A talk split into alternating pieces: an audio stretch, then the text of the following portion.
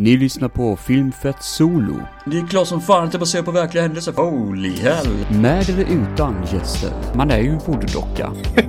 Alltså det, det är det som är så sjukt. Det känns som att... Eh, Till exempel fighten med ryssen. Det är, Ja, den är så underbar. jävla klockren. Jävla bra. Om ursprunget av Tomb Raider. Alltså jag var inte förberedd på det. Jag, jag var faktiskt rädd på riktigt. Filmfett Solo. Antingen jävligt cringe eller jävligt coolt. Nämen kolla, kolla, kolla ser man på. Jag är tillbaka på Filmfett Solo. Välkomna tillbaka till mig, Robin Andersson från Filmfett Solo. Okej, det var ett jävligt dåligt intro ärligt talat. Fan vad dålig jag är på att presentera saker.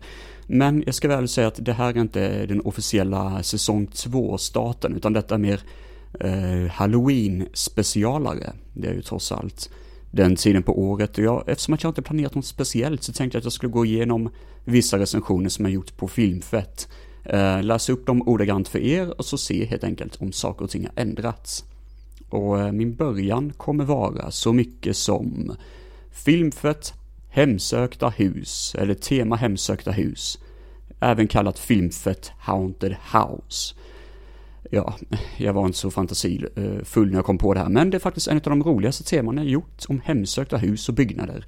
Och eh, ja, eh, jag kommer såklart gå igenom det här step by step. Så eh, vi sätter igång så får vi se. Jag kanske till och med krämer in ytterligare en fin liten filmfett-specialare som gjort på hemsidan filmfett.se. Så nu kör vi! Jag gjorde en liten introduktion till hemsidan då. Det här var 12 oktober. Eh, och detta är inte förra året, jag tror det var förr, förra året som jag började med det här temat. Och eh, ja, eh, det här temavecka 37 så vi gjort en jävla massa teman. Och det här var när Marcus fortfarande höll på med filmfett. Han har i stort sett slutat med det. Och jag förstår varför, han har mycket annat att tänka på. I alla fall, så här skrev jag i mitt första inlägg. Medans Marcus rockar vidare med sina grymma recensioner av Hammers filmer med Frankensteins monster, ett väldigt specifikt tema han höll på med där faktiskt, så planerar jag stordåd. Nästa vecka präglas av sju sorters filmer på temat hemsökta hus. Tro mig, jag har sett mycket varierad skit och några guldkorn. Vi startar på måndag, alltså. Ja, det där var introduktionen då till um, Eh, inlägget så att säga. Och nu kör vi igång den riktiga recensionen. Eh, vi ska se här, mm, jag får scrolla upp lite grann och det är lite konstigt system här på min sida. Ah, nu kör vi igång, här har vi någonting kul. Gonjiam, Haunted Asylum. Youtube-kanalen Horror Times visar upp ett klipp på när två ungdomar försöker bryta sig in i en dörr i ett beryktat sinnessjukhus. I videon syns ett likt blekt ansikte som bevakar dem från avstånd. Horror Times är en känd YouTube-kanal som skall livestreama deras resa till sjukhuset. Gonjiam är då själva sjukhuset då, och försöka öppna den låsta dörren. Tre av deras största fans får följa med på resan genom Gonjiam en ödesstridig natt. Med speciella kameror som filmar deras ansikten och det de ser samt uppsatta kameror i olika rum så börjar resan. Ja, jag kan berätta lite bättre. Det här är en found footage-film eh, levererad på ett väldigt speciellt sätt. Man har satt upp sådana här speciella kameror som filmar reaktionen på våra personer, men också det de ser. Så kameran är liksom två kameraobjektiv som är klistrade på varandra typ kan man säga. Med en speciell sån här eh, magbröstbärare som typ bärs med på bröstet typ. Så det är ganska coolt sätt, ett ganska innovativt sätt och så får vi se dem sätta upp olika kameror i olika rum och så vidare då. Eh, så det är ganska intressant faktiskt. Eh, jag gillar inte den här genren överlag men det här var faktiskt speciellt och det sätter upp den här känslan då. Och så ska de gå genom det här Gonjiam, eh, The Haunted Asylum då, till hemsökt sinnessjukhus som tydligen finns på riktigt också. Troligtvis inte inspelat på riktiga sjukhuset, men skitsamma. Nu fortsätter jag recensionen. Det är, det är inte ofta jag får hjärtklappning under en film, men Gonjams mörka korridorer, mystiska dörrar och obehagliga ljud växer stark oro i min själ. Detta är en av de mest logiska found footage-rysarna då allt är en livestream och kamerornas speciella struktur gör att vi ser allt som händer och slipper för mycket skakiga kameror. Ja, det är väldigt bra beskrivet faktiskt. Gamla fotografier, den låsta dörren ingen har kunnat rubba och Silent Hill-liknande varelser. Detta är ren terror som verkligen garanterat kommer ge sjuka resultat. Fyra av fem guldkameror gav jag filmen då. Nu skulle jag nog sänka det till en trea kanske, för det är ingen film jag kommer se om. Men den är jävligt störd, alltså fan vad obehaglig den är. Eh, det är mycket sådär att man kollar mycket i bakgrunden och väldigt effektiv på det sättet faktiskt.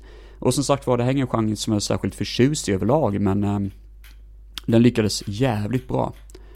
Så det är en bra recension där faktiskt, eh, tycker jag.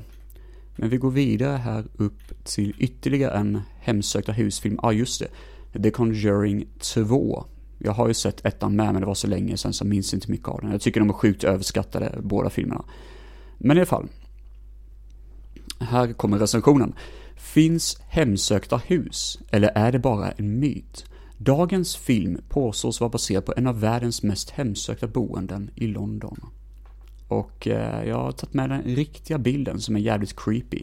På när en kvinna eh, flyter ovanför marken, eller flyger ovanför marken ovanför sin säng. Och det här är en jävligt obehaglig bild faktiskt. Och eh, ja, jag vet, jag vet, inte vad jag ska tycka om det. Det ser ut som att hon kanske har hoppat ur sängen, jag vet inte riktigt. Men ja, det ser skumt ut i alla fall. England 1977. En stressad mamma hinner inte märka att hennes dotter leker med ett ojibräde. Det är nu som konstiga saker börjar ske. Huset drabbas av besök från en äcklig gubbe och en skrämmande nunna. En nunna som mediet Lorraine Warren tidigare blivit hemsökt av. Lorraine är skeptisk att besöka huset då hon är rädd att hennes man, Ed Warren, kommer dö en hemsk död. Men snart besöker de huset och inser en makt som är oväntat hotfull. The Conjuring 2 lyckas med en atmosfär med det, med det regniga London, de slitna tapeterna och huset som uppenbart bär på något tungt. Karaktärerna har utvecklats en hel del och känns trovärdiga. Ed och Lorraine bryr sig om familjen, men vet inte ens om de kan stoppa vad som händer. Men samma problem finns kvar från ettan. Slutet är överdrivet och många skräckelement känns lite för överdrivna. Det hoppar upp monster, många, eh, det hoppar upp många monster och varelser och ibland undrar jag hur många demoner som av en händelse hemsöker just den här familjen. Men överlag gillar jag den lite mer än ettan och den rekommenderas som en skön popcornfilm. 3 av 5 guldkameror. Ja, jag håller med dig. Det är ett eh, ganska bra betyg ändå faktiskt, i ärlighetens namn. Eh, ja, jag tycker fortfarande det har inte ändrats mycket. Nu har vi inte sett om filmen, men ja. Skitsamma. Ja, just det, den här är fan helt glömt bort. Det, det, här kommer jag inte ens komma ihåg ett skit utav i ärlighetens namn. Above us lies evil. Denna hemgjorda film går även under namnet They came from the attic. Vad fan har jag sett för jävla skit? Alltså ärligt talat, nu blir jag... Ja, titeln låter för jävlig. Åh oh, gud. Okej. Okay. Familjen Hooper. Hooper?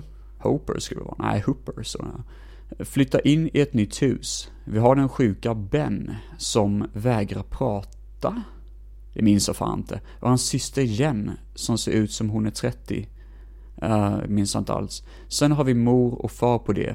Det finns några kluriga grannar i området och något deformerat monster som, som titeln säger, bor på vinden. Jag har ingen aning vad jag ska säga, jag minns verkligen inte ett skit om den här filmen. Bara att kamerakvaliteten är medioker av förklarliga skäl. Filmen hade ju ingen större budget. Men sedan är ljudet för jävligt också. All dialog drängs i marinad av musik och ljudeffekter, vilket gör att det är ett helvete att lyssna på och uppleva filmen. Jag gillar ju när folk följer deras drömmar att skapa film och jag hoppas regissören lyckades bättre med sina andra filmer men med titlar som Bigfoot Country och herrejävlar och Alone We Are Not. Va? Så kommer jag inte hålla andan och be att resten är bättre. En av fem guldkameror. Vad fan är det för skit jag sett? Jag har ärligt talat ingen aning, men äh, ja jävlar. Äh, jag minns att jag, jag minns att det var väldigt dåliga, dåligt ljud, det är fan det enda jag kommer ihåg från den här filmen. Fan vad lustigt att komma tillbaka på den här filmen helt plötsligt. Det var skumt. Uh, scrolla upp lite grann, Marcus har recenserat lite skit, men det pallar jag inte att snacka om nu. Bippidippi, uh, fan detta, ja, ja just det, den uh, har jag fan kvar. Det visste jag inte. Ja, detta är förresten oktober 2018 ser jag nu. Detta är eh, 2018 då, så det är två år sedan nu. I alla fall, den här filmen heter Tales from the Dark Side. Det våras för antologifilm. Vad är detta? Frågar ni kanske? Jo, kortare filmer som vävs in i en film med berättarröst och mellanakter. Jag kommer inte ihåg om det var berättarröst i den här filmen. Det, var, det är det kanske. Förra filmen jag såg av den varan var en brittisk skitfilm. Ja, just det, det var den... Um, Asylum tror jag den heter. Någon brittisk film som jag inte tyckte alls var bra. Så vi kan hoppas att denna är bättre. På utsidan ser huset normalt ut, men insidan visar en annan värld. En kannibal har just kidnappat en unge som sitter i en cell i hennes kök. Hon är redo att tillaga honom. Men lilla Timmy vill inte hamna i hennes mage, även om hon spelas av rockaren Deborah Harry.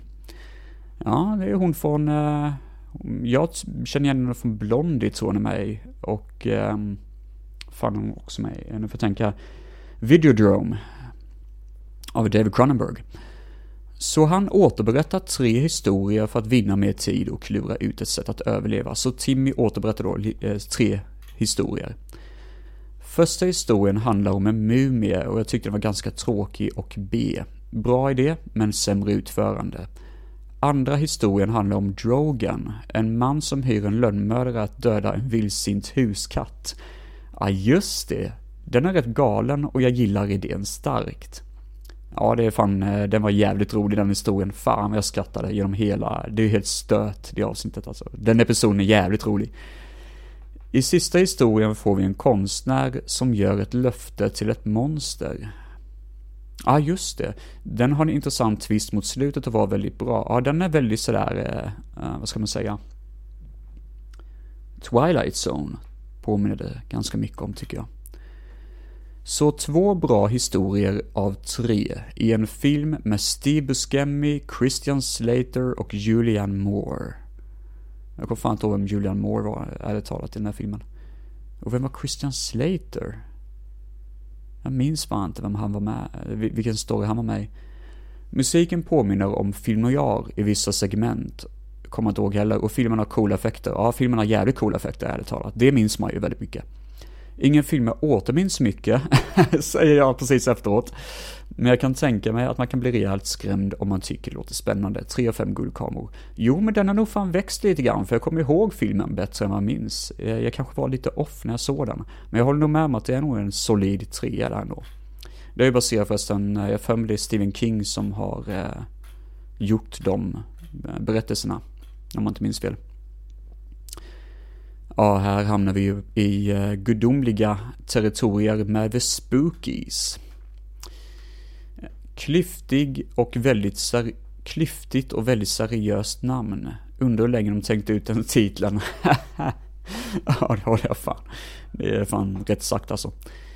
En gammal gubbe sitter i ett hus och väntar på nytt folk. Med det nya folket menar han familjen, eller vännerna? Frågetecken, som är på roadtrip. Det är otydligt vad de är, då många är väldigt vuxna och två är yngre. Kommer faktiskt inte ihåg. Så jag tror de är vänner. Va? Ja, jag fattar inte vad jag menar med det. Nåväl, något händer med bilen och de hittar huset, samt ett ojbräde. Oj då! Hehehe! Jag kan också komma på roligheter på, eh, på stund. Eh, sedan springer de på lustiga monster och varelser i huset. Ja just det, sen så är det en dålig bild på ett monster. Eh, som ser lite halvkul ut faktiskt. Alltså själva monstret ser ju mysigt ut. Ser, ser ut som döden med en lie typ. Men det är en väldigt ful bild så jag skrev shot on shitio. Filmen är så jävla osammanhängande. ja, det håller jag fan med om. Alla demoner verkar ju redan bo i huset. Fisande och rapande degklumpar som låter som mig efter Billy Pilsner. Ja, fy fan. Um, uh, det är någon som heter typ Tire, Black Tire, Något sånt. Jag mår så jävla risigt i kistan efter att ha druckit det. Någon äcklig spindelgrej som bor i källaren och som ärligt talat är jävligt creepy. Ja just det, för den sög typ ut, den gjorde så att en man typ eh, sögs ut som en ballong, som att den, luften flyger ut ur ballongen på han. Typ, liksom, om ni fattar vad jag menar. Han bara, han bara smälter som en jävla madrass typ. Det är rätt creepy faktiskt. Ja, jag gillar inte spindlar, fy fan. Det är tur att det var många på denna roadtrip, för det innebär många dödsscener. Synd bara att det händer så frekvent att det blir lika intressant som att se bilar köra förbi min gata. Filmen är verkligen inte seriös, typ som en traumafilm, och det ska vara ganska, det kan vara ganska skönt efter all dödstråkig skit jag sett i temat. Men, den lama dialogen och alla onödiga fillers hjälper inte filmen på traven. Det må hända mycket, men i slutändan bryr mig inte ett skit. 1,5 av 5 guldkameror. Och grejen är, nu borde jag egentligen kollat upp det här förvägen, men med Spookies vet jag att han hade någon jävla skum historia, att det var typ en spansk person som gjorde filmen först och att den skulle vara jätteseriös. Men sen hände någonting. Han fick kicken och de hyrde in en annan person som typ inte fattade filmen. Och i stort sett gjorde resten av filmen typ. Något sånt är det, så det, det är därför filmen är jävligt konstig och flummig. Sen så är den nu otroligt fult filmad också. Fy fan vad fult foto. Jag minns som att den var billig som fan i alla fall. Nu ska vi se. Eh, kommer vidare här. Åh oh, herregud, nu kommer vi till the good shit. Det här är bra, det här är jävligt bra kvalitet. The Changeling. Åh, oh, den här, alltså herregud. Jag är så glad att de nämnde den här filmen i In Search of Darkness, den här fyra timmar långa skräckfilmsdokumentären som eh, backades utav mig på nätet. Otroligt glad var jag när den här filmen dök upp. Något finns i korridorerna. Det där bankande ekade ljudet. Leksaksbollen som studsar ner för trappan. Den slitna rullstolen i det gömda rummet. Ja, fy fan. Jag ser det framför mig nu när jag läser den här recensionen alltså. John Russell är relativt nybliven änka efter en väldigt tragisk olycka. Det är en jävla hemsk, det är en av de hemskaste olyckor jag sett på film faktiskt. Fy fan vad äckligt det är. Mestadels för att det känns så realistiskt. Det är, åh oh, gud, det är traumatiserande. Eftersom han är en kompositör så behöver han ett avsides hus att jobba i och han hittar sin flotta boning. Många vackra rum och möbler av härdat trä. Men ljuden på natten ger honom en konstig känsla av att han inte är ensam. Det blir märkligare när han och hans eh, nya väninna Claire Norman hittar ett gömt rum som har kopplingar till husets förra ägare och en familj med mystiska hemligheter. The Changeling utspelar sig i ett vackert hus, seriöst en av de snyggaste boningarna i hemsökta huskategorin som jag kan komma på. Jag håller med, det här är verkligen liksom, jag håller med mig själv, fan vad bra det lät. Eh, nej men det här är ju verkligen The Shining-känsla på det, fy fan vad snyggt det är. Att filmen även använder sorg som ett element till skräck fungerar lika bra som i filmen Jacob's Ladder. Fotot är snyggt, och det, men det är John Russell som gör den lite bättre än vanligt. Han spelas av en sympatisk George C. Scott som medverkat i eh, Eldfödd, Patton och en massa klassiska filmer. Och efter den här filmen så är han typ en av mina favoritskådisar, ärligt talat. Vid Changeling kanske ballar ut lite grann mot slutet, men Jävlar vilken skön film. Det är kalla kårar över hela filmen och husets bakgrundshistoria är mer fascinerande. Mer än fascinerande. Detta är lätt den bästa filmen i temat. Tack Tarres blogg för tipset. Jag ska se om Tarres blogg finns kvar där. Det var så länge sedan som jag var inne på hans sida. Ehm, Nej, det var det jag tänkte. Hans sista recension var 2018, så han höll inte på så länge med det, tyvärr. Eh, så det är tråkigt. Eh, nu ska vi se, då går vi vidare till nästa film tror jag. Jag ska bara se så att jag inte missar någon där. Eh, The Changeling är sista. Ja, jag gav den 4 och 5 tror jag. Ehm, ja, 4 och 5 guldkameror gav jag där. Ursäkta ljudet i bakgrunden, det är min mus som är skitgammal. Hehe, what, that's what she said. Fy fan vad jag suger. Winchester. Det här är en film som jag inte är så glad att jag eh, ska, ska se, eh, ja, prata om igen. Men eh, ni får se detta som en varning. Hela jävla filmen är rutten. Det är ju en bra början på en recension, eller hur? Det gör mig bara sur att jag måste snacka om skiten. Det känns ju för fan som att den var fyra timmar lång. Många gånger får jag pausa och känna pulsen för att se att jag verkligen inte har tuppat av, för det är fan en stor risk. Ja, herregud. Uh, Jason Clark, tråkgubben från Terminator Genesis och Dawn of a Planet of Apes. Fan, vi hatar honom. Jag har ju pratat om honom när jag pratade om min torrhetslista, att han är number one av de torraste personerna någonsin. Jag tror till och med jag snackade om den här filmen lite lätt i det avsnittet. I alla fall, han spelar Dr. Price. Han åker till huset Winchester på begäran att kolla hur frisk Mrs Winchester, Helen Mirren, är. Hon har nämligen haft folk som konstant bygger på hennes hus och eh, gör att det hela blir till en labyrint och många dörrar leder inte till något alls. Hon påstår att, suck, spöken får henne vilja bygga huset. Och så har vi Henry, ett barn som blir besatt ibland. Vad inlevelsefull jag är när jag skriver den här recensionen. Huset är baserat på en riktig historia, eller ett riktigt hus, och jag, Winchester, är ju det kända geväret. Jag gillar hemsökta hus och legender, men denna filmen var fan bara tråkig. Klimaxet är så satans tråkigt och förstör den lilla uppbyggnaden man försökt genomföra. Men hela filmen faller plats när Marcus gör en frivolt. Ja, jag brukar ju slänga lite jabs mot Marcus ibland. Han brukar slänga lite jabs mot mig också, så vi står och boxas lite grann mentalt, typ, eller sådär. Uh, hade vi gjort det i verkligheten hade jag fått storstryk. Bruce Spence från Mad Max 2 är med också. Kan vara kul att säga, kul i citationstecken. Varför är Helen med? Helmiren menar jag. Jag fattar inte vad hon gör i den här filmen. Nej, detta var en transportsträcka till en butik som säljer städartiklar och med en arg gubbfan som heter Göran som ägare. Usch! Ett av fem guldkameror. Att, att den ens fick en etta, jag hade nog fan gett en nolla nu, för det är jävlar vad tråkig den var. Den var bara tråkig deluxe alltså. Ja, ah, just det, sen har vi denna med. Jag tror detta är, ja, det sista. Så uh, vi kan nog klämma in ytterligare tema efter det här uh, när jag är klar med Haunted House. Så blir det lite mer fullspäckat avsnitt här på Filmfett Solo. We are still here, heter den här uh, filmen då. Transportsträckan är slut. Vi har snackat Conjuring 2. Nice. The Changeling. Ja. Och Winchester. Usch. Nu tar vi We are still here. Ett medelålderspar är i en ålderskris. Deras son Bobby har varit död ett tag, men sorgen hade lagt sig. Så den lugnare mannen Paul och hans fru Annie flyttar in i ett hus. Och eh, guess what? Något är inte som det skall vara. Konstiga dofter i källaren, luktar rök? Frågetecken. Och grannarna berättar om familjen som bott där innan, Dagmar. Va? Jaha, familjen hette Dagmar. Det var skumt namn, vad heter det i efternamn? Så Paul och Annie får hjälp av Annies spirituella kompisar att rensa huset, men det kan inte sluta så bra. Den sista akten är vad som räddar en annans väldigt eller ganska tråkig film, för det är en vanlig spökrulle tills finalen förvandlas i blodbad på ett effektivt och unikt sätt. Gore galore och hämnd där demonerna slaktar alla de kan få tag på.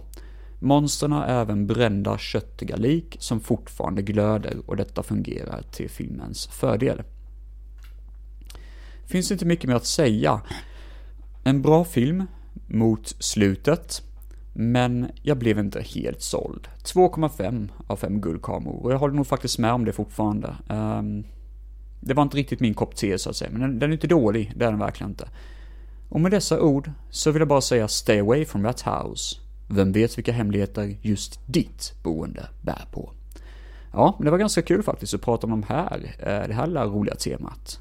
Vi får se vilka mer roliga filmer jag kan hitta här på Filmfett, eh, på Filmfetts hemsida. Som eh, jag kan snacka om. Filmfett Solo, antingen jävligt cringe eller jävligt coolt. Då är jag tillbaka igen efter en kort liten paus med oktober 2015. Och jag är faktiskt jävligt glad att uh, jag hittade det här för det här var lite filmer som jag inte tänkt på på sjukt länge. Jag tror jag tänkt på det typ bara för någon dag sedan. Eller inte en dag sedan, men alltså någon månad sedan för första gången på typ hundra år. Och jag bara, vänta lite, det här minns jag fan inte. Och, och har jag sett den här filmen typ? Och uh, sen så kom jag på att jag har gjort det. Och det är skitkul att gå tillbaka och se sådana här recensioner på filmer som man bara, fan det här har jag ju sett. Det är helt sjukt. Så mitt tema den här gången heter Robins skräcktema. Wow, good start. The Freak Show of Outcasts. Och jag ska förklara lite mer. Här på Filmfett älskar vi Halloween mer än julafton och midsommaren och under en väldigt lång period har jag sökt efter intressanta eh, titlar till mitt tema. Eh, jag brukar alltid göra dålig Photoshop också, så ni kan gå in på hemsidan där och se. Scrolla fram till eh, oktober, ni kan gå in på arkiv eh, och så har vi då 2015 och oktober. Så ser ni de sköna grejerna. Men väldigt dålig Photoshop. Eller så kan ni gå in på kategorier tema. Eh, för där kan ni se eh, mina, eh, alla teman som jag har gjort. I alla fall, The Freak Show of Outcasts handlar om historier där våra huvudkaraktärer inte riktigt passar in i ramarna av vårt samhälle. Antagligen för deras medfödda åkommor eller deras udda beteenden. För med när Filmfett öppnar upp portarna för detta tema och håll för ögonen, för vem vet vilket tema Marcus kommer komma med. Och Marcus kom med ett tema som hette Gorilla Week. Just det, han hade Gorilla-vecka. Fan, det, det är ju helt underbart. Man måste nästan gå igenom Marcus recensioner också, fast fan, jag, jag har ju ingen kommentar att lägga på det, för jag har inte sett filmerna själva. Men det är lite kul. Sen kommer lite Gorilla-filmer då, som han har gjort, eh, recenserat och bland annat Nabonga. Vad fan är det? och här kommer något annat kul, jag ska se, eh, måste bara ta lite på det här. The White Gorilla, den låter rätt cool dock. Um, ja, här kommer en, åh oh, den här, ja, fy fan vad kul. Det här är ju en bra början. Shit, det är ju skitkul. The Burning. Cropsy är en alkoholiserad vaktmästare som får lära sig två läxor. 1. Hans namn Cropsy blir en ironi då han önskar vore död efter vad som kommer hända honom. Och 2. Han kommer lära sig andra sätt att använda häcksaxar på. Varför? Jo, detta svin utsätts för ett attentat då någon suttit med en dödskall med brinnande ljus vid hans säng. Uh, suttit, ja, satt, satt ner den, ja, det ska det nog vara. Cropsy råkar välta skiten över sängen som tar fyr, men Cropsy dör inte. Istället återvänder han flera år senare, vanställd till platsen där allt hände. Det nyöppnade sommarkollot. Här ska huvuden rulla. Och fy fan. Fan vad gött det är att gå tillbaka till den tiden då jag såg den här filmen för första gången. I samma anda som Stage Fright så lyckas The Burning bli en av de starkaste slasherfilmer jag sett. Det blir knappast en enda lugn stund och kropparna delas och klyvs i halvor av den vaxa häxsaxen. Som även blir ett unikt mordvapen. Musiken passar till lägereldens kyliga spökhistoria och kanotscenen blev även av skräckvärldens mest omtalade, då inte bara ett offer dör, utan tre, fyra stycken på rad. Ja, det är fan en riktig massaker den scenen, den är så cool! Jason Alexander är med i en av sina största, för, första större biroller. Nu har han fortfarande hår och är lite smalare än George i Seinfeld. Många kritiserade The Burning då storyn är som Friday the 13th, men båda filmerna skrevs nästan samtidigt. Samma som Phantasm som skrevs något år innan Star Wars. Och båda filmerna råkade ta varandras dvärgkoncept rakt av. Jag är verkligen inte den enda som gillar The Burning och tycker den förtjänar 4 av 5 guldkameror, men jag är fortfarande lite oroväckt över vad fan ungdomarna hittar en dödskalle. Ja, det här är en bra recension ändå. Om den håller 4-5, ja, bra fråga. Det var länge sedan jag såg den nu alltså. Men fan, man blir så glad när man ser den här recensionen. Jag vill se om filmen nu. Det är härligt. Då ska vi gå upp och se Marcus har recenserat en film som heter Bella Lugosi meets a Brooklyn Gorilla. Det är underbart. Jag kommer ihåg att eh, det är nog första gången jag hörde talas om den titeln, men jag har hört den sedan dess faktiskt. Att det är en av de sjukaste titlar jag har hört. Sen har vi Bride of the Gorilla. Ja, här kommer en eh, Robin-recension här då. The Clown, 100 Tears. Två journalister letar efter en legendarisk mördare kallad Tear Drop Killer. Snart sniffar de upp ett spår av clownpuder och upptäcker att mördaren är en clown. Ingen vet hans motivation, men under filmens gång hoppar det mellan undersökningar, dåliga FBI-agenter, samt en mordbenägen clown som tydligen älskar att skutta runt och döda folk hej svejs. Hur ska Jennifer och Mark lösa fallet och framförallt, hur länge varar filmen? Jag minns inte det här beskrivningen alls, jag kommer bara ihåg omslag på filmen faktiskt. Ja, den ser sådär ut. Här i Sverige går filmen under titeln The Clown, men den verkar vara kändast under sitt andra namn 100 Tears. Inte för att filmen har så mycket att komma med. Huvudrollerna gör ett skönt jobb och det visar att man inte behöver vara med i en A-film för att kunna skådespela och göra goda one-liners. Trots detta räddas inte filmen. Ja, men det minns jag faktiskt att skådisarna var helt okej okay ändå. The Clown är enbart full av splatter. Oväntat bra splatter för en lågbudgetfilm, men vad fan, finns det inte något mer att bjuda på? Storyn är ganska flummig, fotot är väldigt mörkt och ibland lite för dåligt för att det ska kunna ge en känsla. Jennifer viskar nästan fram sina dialoger, så tacka gud för filmens texter, annars hade jag inte fattat ett skit. Det kommer jag inte ihåg, ärligt talat. Finalen är lite småkul och det är alltid härligt med mördarclowner med gigantiska yxor som choppar huvudet av folk. Det tycker jag inte längre, jag tycker det blir ganska tråkigt. Även om hans motivation är så gott som idiotisk. Musiken är väl rätt god med, men det är synd att den är placerad i en sådan medioker film. Två av fem guldkameror finns inte mycket mer att säga. Ja, ah, men det var så jag tänkte med, jag kommer faktiskt inte ihåg så mycket av den alls. Här kommer Marcus upp med ytterligare en film från sin Gorilla Week som heter The Ape. Eh, jag kommer inte ihåg alls vad det var för någonting. Och ytterligare en till som heter White Pongo. och ytterligare en till, fan vad han har spammat fram en jävla massa gorilla. Eh, gorilla at Large heter den här filmen då. Mm. Här har vi, här har vi Raging Angels. Och det här är lite kul. För jag hade helt glömt bort vad filmen hette, så jag är så glad att jag hittade den här recensionen. Det var därför jag var så glad att ja, nu kan jag äntligen prata om den här skitfilmen här på Filmfett Solo, så att i alla fall några av er hemma i sofforna får höra om Raging Angels. Det börjar inte alls bra när namnet Alan Smithy dyker upp som regi. Seriöst, regissören har använt namnet eh, som är synonymt med att hata sina egna projekt och inte vilja ta del av det. För er som inte vet, eh, Alan Smithy är ett namn man brukar slänga in i en film när regissören själv säger det här är rent skräp, jag vill inte ha mitt namn på filmen. Ge det till Alan Smithy. Alan Smithy har nog den största kollektionen av film, eh, filmer på IMDB. Från 50-talet till nu. Eller 40-talet kanske till och med. Hela vägen till idag. Så Alan Smithy lever fortfarande, hans namn finns fortfarande med i film. Men det är bara synonymt med eh, filmer som ingen regissör vill ha sitt namn på. Det är jävla otur om man faktiskt råkar födas med det namnet i verkligheten. Det hade inte varit kul. Chris är en rocker som blir kickad av sitt band. På jakt efter nya spelningar och vägar in i branschen så får han höra musikproducenten Colin som letar nya rekryter. Chris och hans flickvän ska testa lyckan, men Chris farmor som är en kombination av ultrareligiös, fasansfullt skådespel samt rånare? Frågetecken. Va? Rånare? Va? Får onda visioner? Vad fan? Det fattar inte vad jag menar med det. Hon försöker förklara för Chris som vägrar lyssna, vilket leder till att både Chris och hans tjej kan ha hamnat i fara. Ja, Michael Paré är tydligen med här. Det är ju skitskumt att det är han. Det hade jag helt glömt bort. Det ser inte ut som att det är Michael Paré, men jag har skrivit det i filmen, i recensionen i alla fall. Varför passar Raging Angels in på detta temat om misfits och outsiders?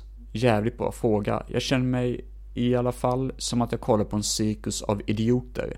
Samtliga karaktärer är skit, förutom ett medium som är lite halvt komisk, kommer inte ihåg det alls. Men hon lyckas inte lyfta ett finger för att rädda denna soppan till film. Det är extremt dåliga dataeffekter som kommer kommer till sin punkt i, den, i filmens horribla final då en djävul och en ängel slåss i himlavalvet. I himlavalvet? Va? Datanimerat såklart, dåligt datanimerat. Det kommer jag ihåg, det här otroligt dåligt, alltså det är nog det, alltså jag skrattade så jag grät när jag såg det, fan, kommer ni ihåg den här datanimerade bebisen? Som eh, typ skulle dansa på gamla screensaver. Så ser det ut.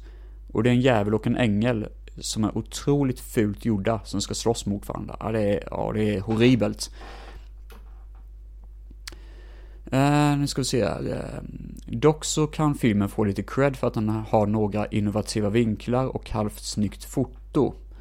Blanda det med B-rockmusik som är så B att man knappt hörs för vad som sjungs. Att man drar paralleller till rock'n'roll-musiken som ansågs vara djävulens musik är rätt intressant.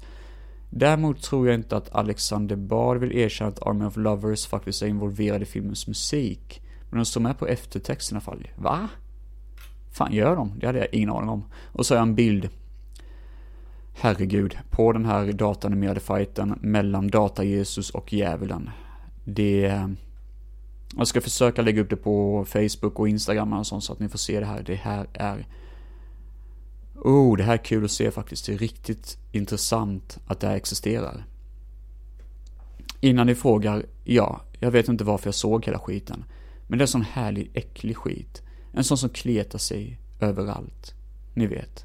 En som, som nästan pulserar och andas. Ett av fem guldkameror. Idag hade jag gett en noll av fem. Det här är ju rent skräp. Hur ja. Sen då Marcus igång ytterligare ett filmtema där. Han håller på jävla, han gjorde två filmteman. Det är helt stört under oktober månad. Jag drar igång uh, The Revenant. Och det är ju inte den The Covenant, ja, jag vet inte. Skitsamma. Det här är inte den filmen som alla tror, det här med eh, när han ska slåss mot en eh, björn, vad heter han? Eh, eller den kanske heter The Covenant. Nej, jag vet inte fan, jag har ingen aning vad jag pratar om. Det här är en, en B-skräck zombiefilm. Tillåt mig förklara. Bart har just dött i Irak, vilket är en hemsk nyhet för Joey som inte har någon annan vän. Men när Bart gör som Torsten Flink och reser sig igen, ja just det, det var lite referens till sin eh, tid där. Så är Bart smått fundersam över A. Varför lever han? Och B. Han ser ju ändå ut som ett lik. Bart andas inte ens, vilket är rätt sjukt och leder till en rolig scen på sjukhuset. Ja, just det, minns jag. Joe blir skitglad av att se sin buddy vid liv, förlåt mig, död. Men för att Bart ska kunna fortsätta så här så måste han börja med sin nya föda, människokött. Det är kul att se en zombiefilm där zombien i fråga bara är en intelligent person som är sönderrutten. Eller tja, det vet fan om Bart är så intelligent, men är i alla fall smart som en vanlig person.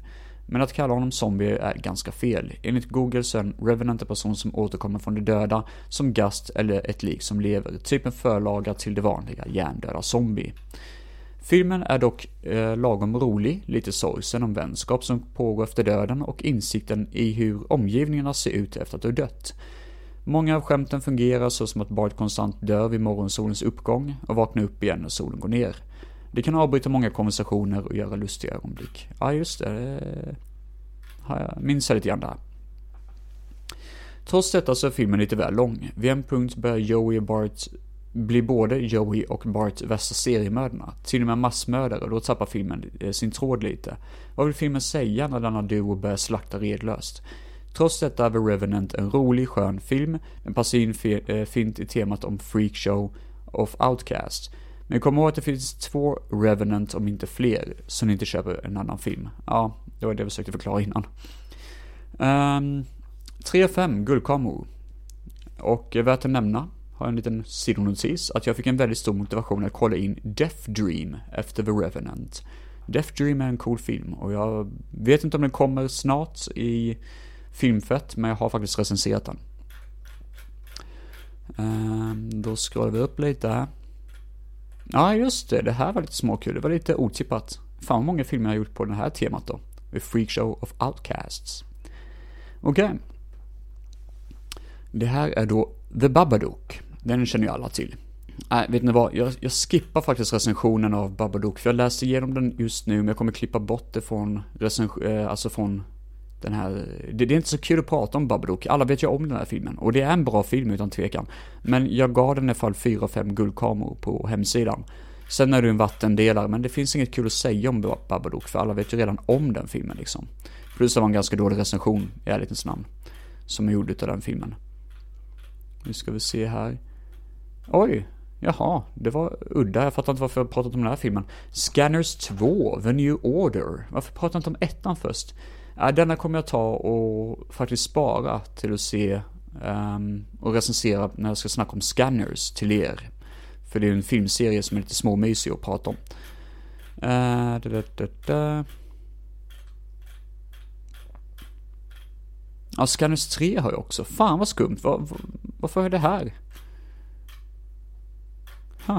Och varför, varför ska jag vara med på det här temat för? Det är skitkonstigt. Ja, ah, här har jag en rolig en. Nightbreed. Bone Aaron har mardrömmar om ett gömt land, Midian, där mutanter bor under en kyrkogård. Boone besöker psykologen Decker som ger dem lite tabletter. Samtidigt går en mystisk mördare loss i samhället och Boone blir misstänkt. Boone upptäcker att Decker är mördaren samt satte dit honom, så Boone flyr till kyrkogården från hans drömmar och upptäcker staden han drömt om, Midian, finns. För att bosätta sig i detta land genomgår Boone en rit för att själv bli varulv, men Decker har som plan att hitta alla freaks och döda dem, som han själv tror är djävulens avkomma. Kampen om den gömda staden har bara börjat. Nightbreed är skön och originell på så många sätt att jag fortfarande förstår hur filmen kunde floppa. Med en extrem samling häftiga monster och mutanter, otroliga underjordiska grottsystem och TV eh, och miljöer och fiender till höger och vänster så påminner filmen nästan om ett tv-spel, särskilt mot slutet. Att se David Cronenberg, jajamensan, det är David Cronenberg som spelar modiska Decker, eh, var en upplevelse i sig, som utan tvekan höjer filmens underhållningskänsla. Men antagligen klipptes filmen ner väldigt kraftigt och en Directors Cut finns tillgänglig i vissa länder. Jag såg den ordinarie eh, varianten och kan konstatera att den håller sig väldigt bra och är enkel att följa.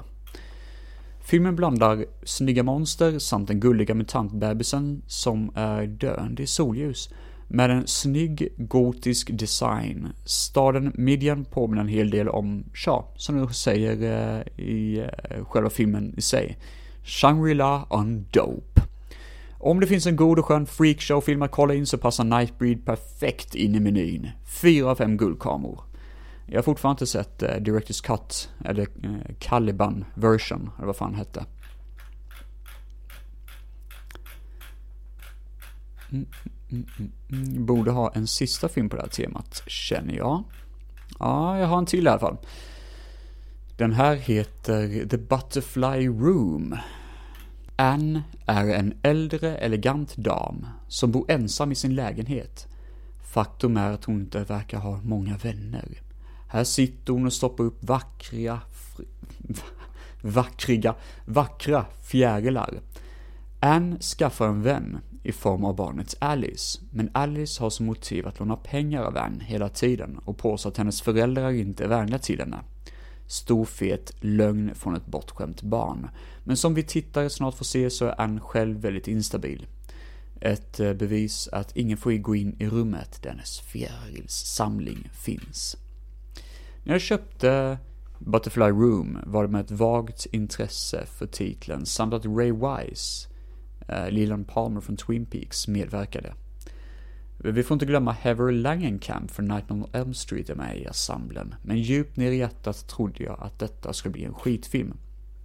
Döm min förvåning över hur atmosfärisk hela rullen är, Barbara Steele är helt enastående som damen Anne. Hon är en lagom fin men ändå hjärtlig dam, med ett lugnt och tålmodigt beteende som är lätt att tycka om, till en början. För bakom hennes fina kläder och hennes smink finns en dam med mörka motiv. En dam som är väldigt våldsam och farlig. Ja, Barbara Steele förtjänar faktiskt pris för hennes rolltolkning.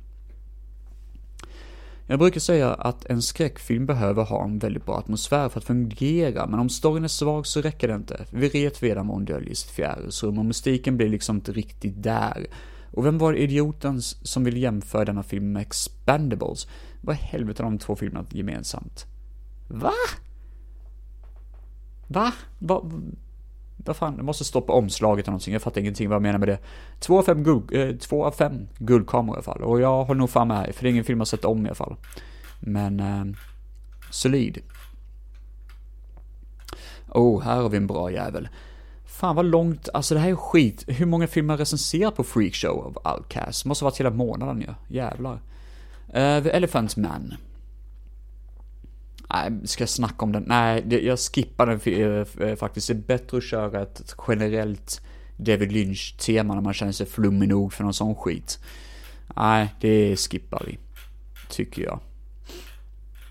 Ja, det här, det här är en film som man måste prata om också någon gång i framtiden och göra en full out review på. The People Under the Stairs. När jag hörde om Wes Cravens bortgång så åkte jag till en filmbutik och hittade denna guldklimpen som ett tecken från Wes Craven himself. Eh, två skådisar från Twin Peaks. Det är Wendy Robbie och Everett McGill medverkar här som ett par, igen, fast denna gången av Josef Fritzl-typ. I källaren har de en drös med folk som de håller som fångar. Tre tjuvar ska bryta sig in i huset och sno pengar. En av tjuvarna är vår, huv eh, vår huvudroll, en fattig ung kille på 12 år som egentligen inte vill göra brottet. Trion attackeras av en galen hund och saker sätts i rullning. Vad paret egentligen inte märker till början så är 12-åringen den modigaste och tuffaste ungjäveln de sett. Han lyckas alltid kämpa mot parets fällor och överlever alla typer av attacker, men han tänker inte sticka förrän folket i källaren och parets söta flicka är räddade. Till sin hjälp har han Roach, en ung grabb som bor i husets gömda utrymmen i väggarna. Storyn verkar svag, men utförandet är händelsefyllt och dras aldrig ner på tempot. Som jag redan beskrivit så är den unga huvudpersonen som kallar sig Fool en mer komisk huvudroll. Häftig också. Han sparkar folk i skrevet och använder smarta sätt för att överleva. Detta fungerar skitbra. Även Everett McGill och Wendy Robbie gör ett kalasbra jobb som paret, som även har komiska stunder. 4 av 5 guldkameror. Och med detta betyget säger jag tack och hej för denna halloween. Det var en väldigt intressant upplevelse att göra Freakshow Outcast här på Filmfett. Ja men det, det var bra beskrivelse där, det var en bra recension där och jävla långt tema, fan vad långt det är. Det, ja men det har varit givande, tycker jag nog. Jag kommer nog inte hinna med att göra så mycket andra teman här nu under halloween då, men eh, jag kan ändå snacka lite lätt om vilka andra teman jag gjort här på Filmfett eh, hemsidan då. Så eh, bland annat har vi Dark Crimes, där jag pratar om lite sådana här eh, mörka mord och mörka historier som finns på film. Bland annat så pratar jag lite grann om den här tv-serien från Netflix, eh, fan heter den nu? Ja, oh, Mindhunter heter den. Och någon Razzie-nominerad film. Snackar också om tydligen, står det här i. Det kan vara den filmen med han, eh, vad fan heter han nu igen? Eh, den där hemska skiten med han ehm, Bruce Willis. Någonting Red heter den. Eh, Color Red eller något sånt. Jävla skit är det. Um, ja. Sen har vi, just det, det här var ganska kul. Jag tror jag körde detta förra året om jag inte minns fel. Måste det varit. Aliens from Space. Där jag snackar lite grann om utomjordiska filmer. Det är ganska kul tema faktiskt där. Eh, Marcus har kört björnvecka. Det minns jag faktiskt inte att han gjorde. Ärligt talat. Eh, uh, Dinosaurie Week har han kört också, så dinosaurievecka och han, han kör ju faktiskt riktigt bra. Uh, tycker jag då i alla fall, sådana här uh, Photoshop-bilder på sina teman. Jag kommer som sagt att försöka lägga upp dem här så att ni kan se dem på vår, eh, på Facebook och på Instagram. Ja just det, jag snackade lite grann om film noir-filmer. Och så kommer jag tillbaka till det temat då i Return of the Film Neo Noir. Det är ganska gött, eh, härligt tema där. Anime-vecka hade jag. Anime Week. Det är lite småkul. Ja, då Hemsökta hus, som sagt, som vi redan pratat om. Frankenstein Week hade ju Marcus där då. Tinto Brass hade Marcus också. Det väcker någon, eh, jag kan ju inte riktigt om filmen, jag vet inte fan. Det är någon pervofilm tror jag. Ja just det, jag hade Operation Vendetta kallade det för. Det här är då eh, såna här hämndfilmer. Eh, det var ett jävla kul tema faktiskt. Jag pratade bland annat om The Equalizer.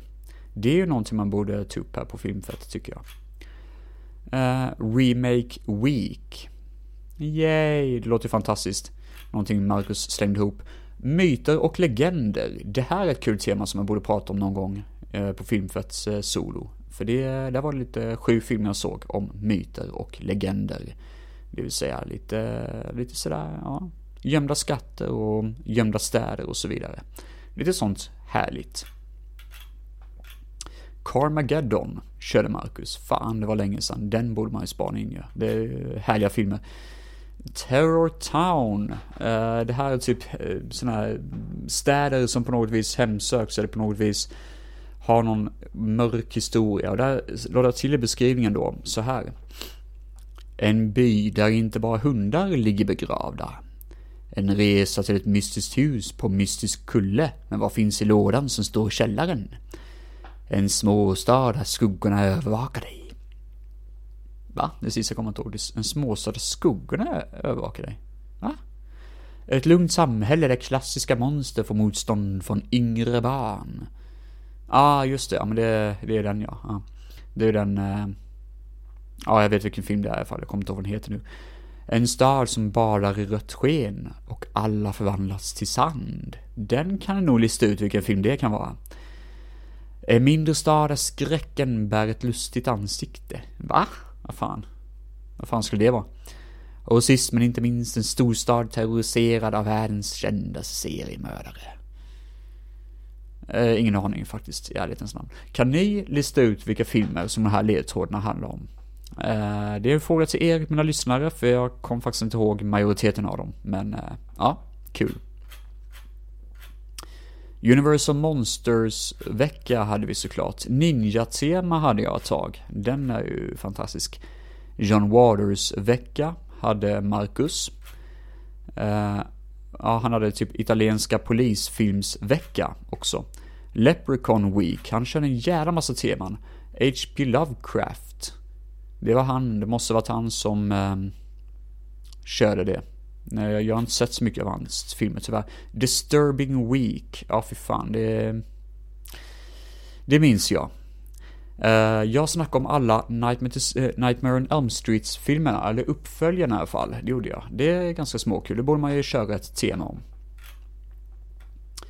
Uh, Harry Potter Week körde Marcus. Film Noir, uh, första gången jag körde Film Noir där.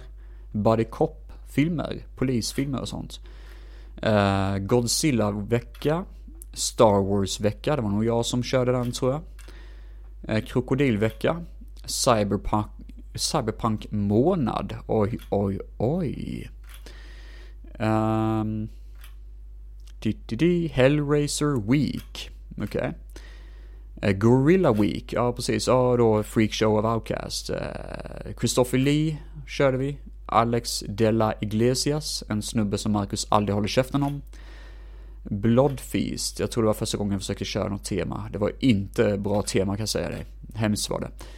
Eh, Herschel Gordon Lewis vecka.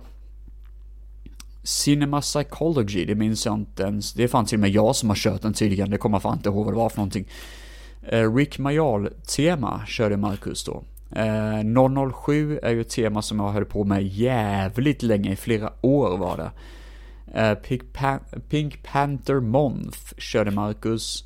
Svensk vecka körde Marcus. Razzie-vecka körde Marcus. Ja, vad ska man säga? Sen är det nog fan allting på de här underbara, vad heter det, veckorna som vi kör här på Filmfest. Men det är kul att gå down memory lane och se allt det här alltså. I alla fall, Tack för mig för detta halloween-specialaren. Hoppas att jag inte skrämt skiten ur er. Ha det bäst. Goodbye.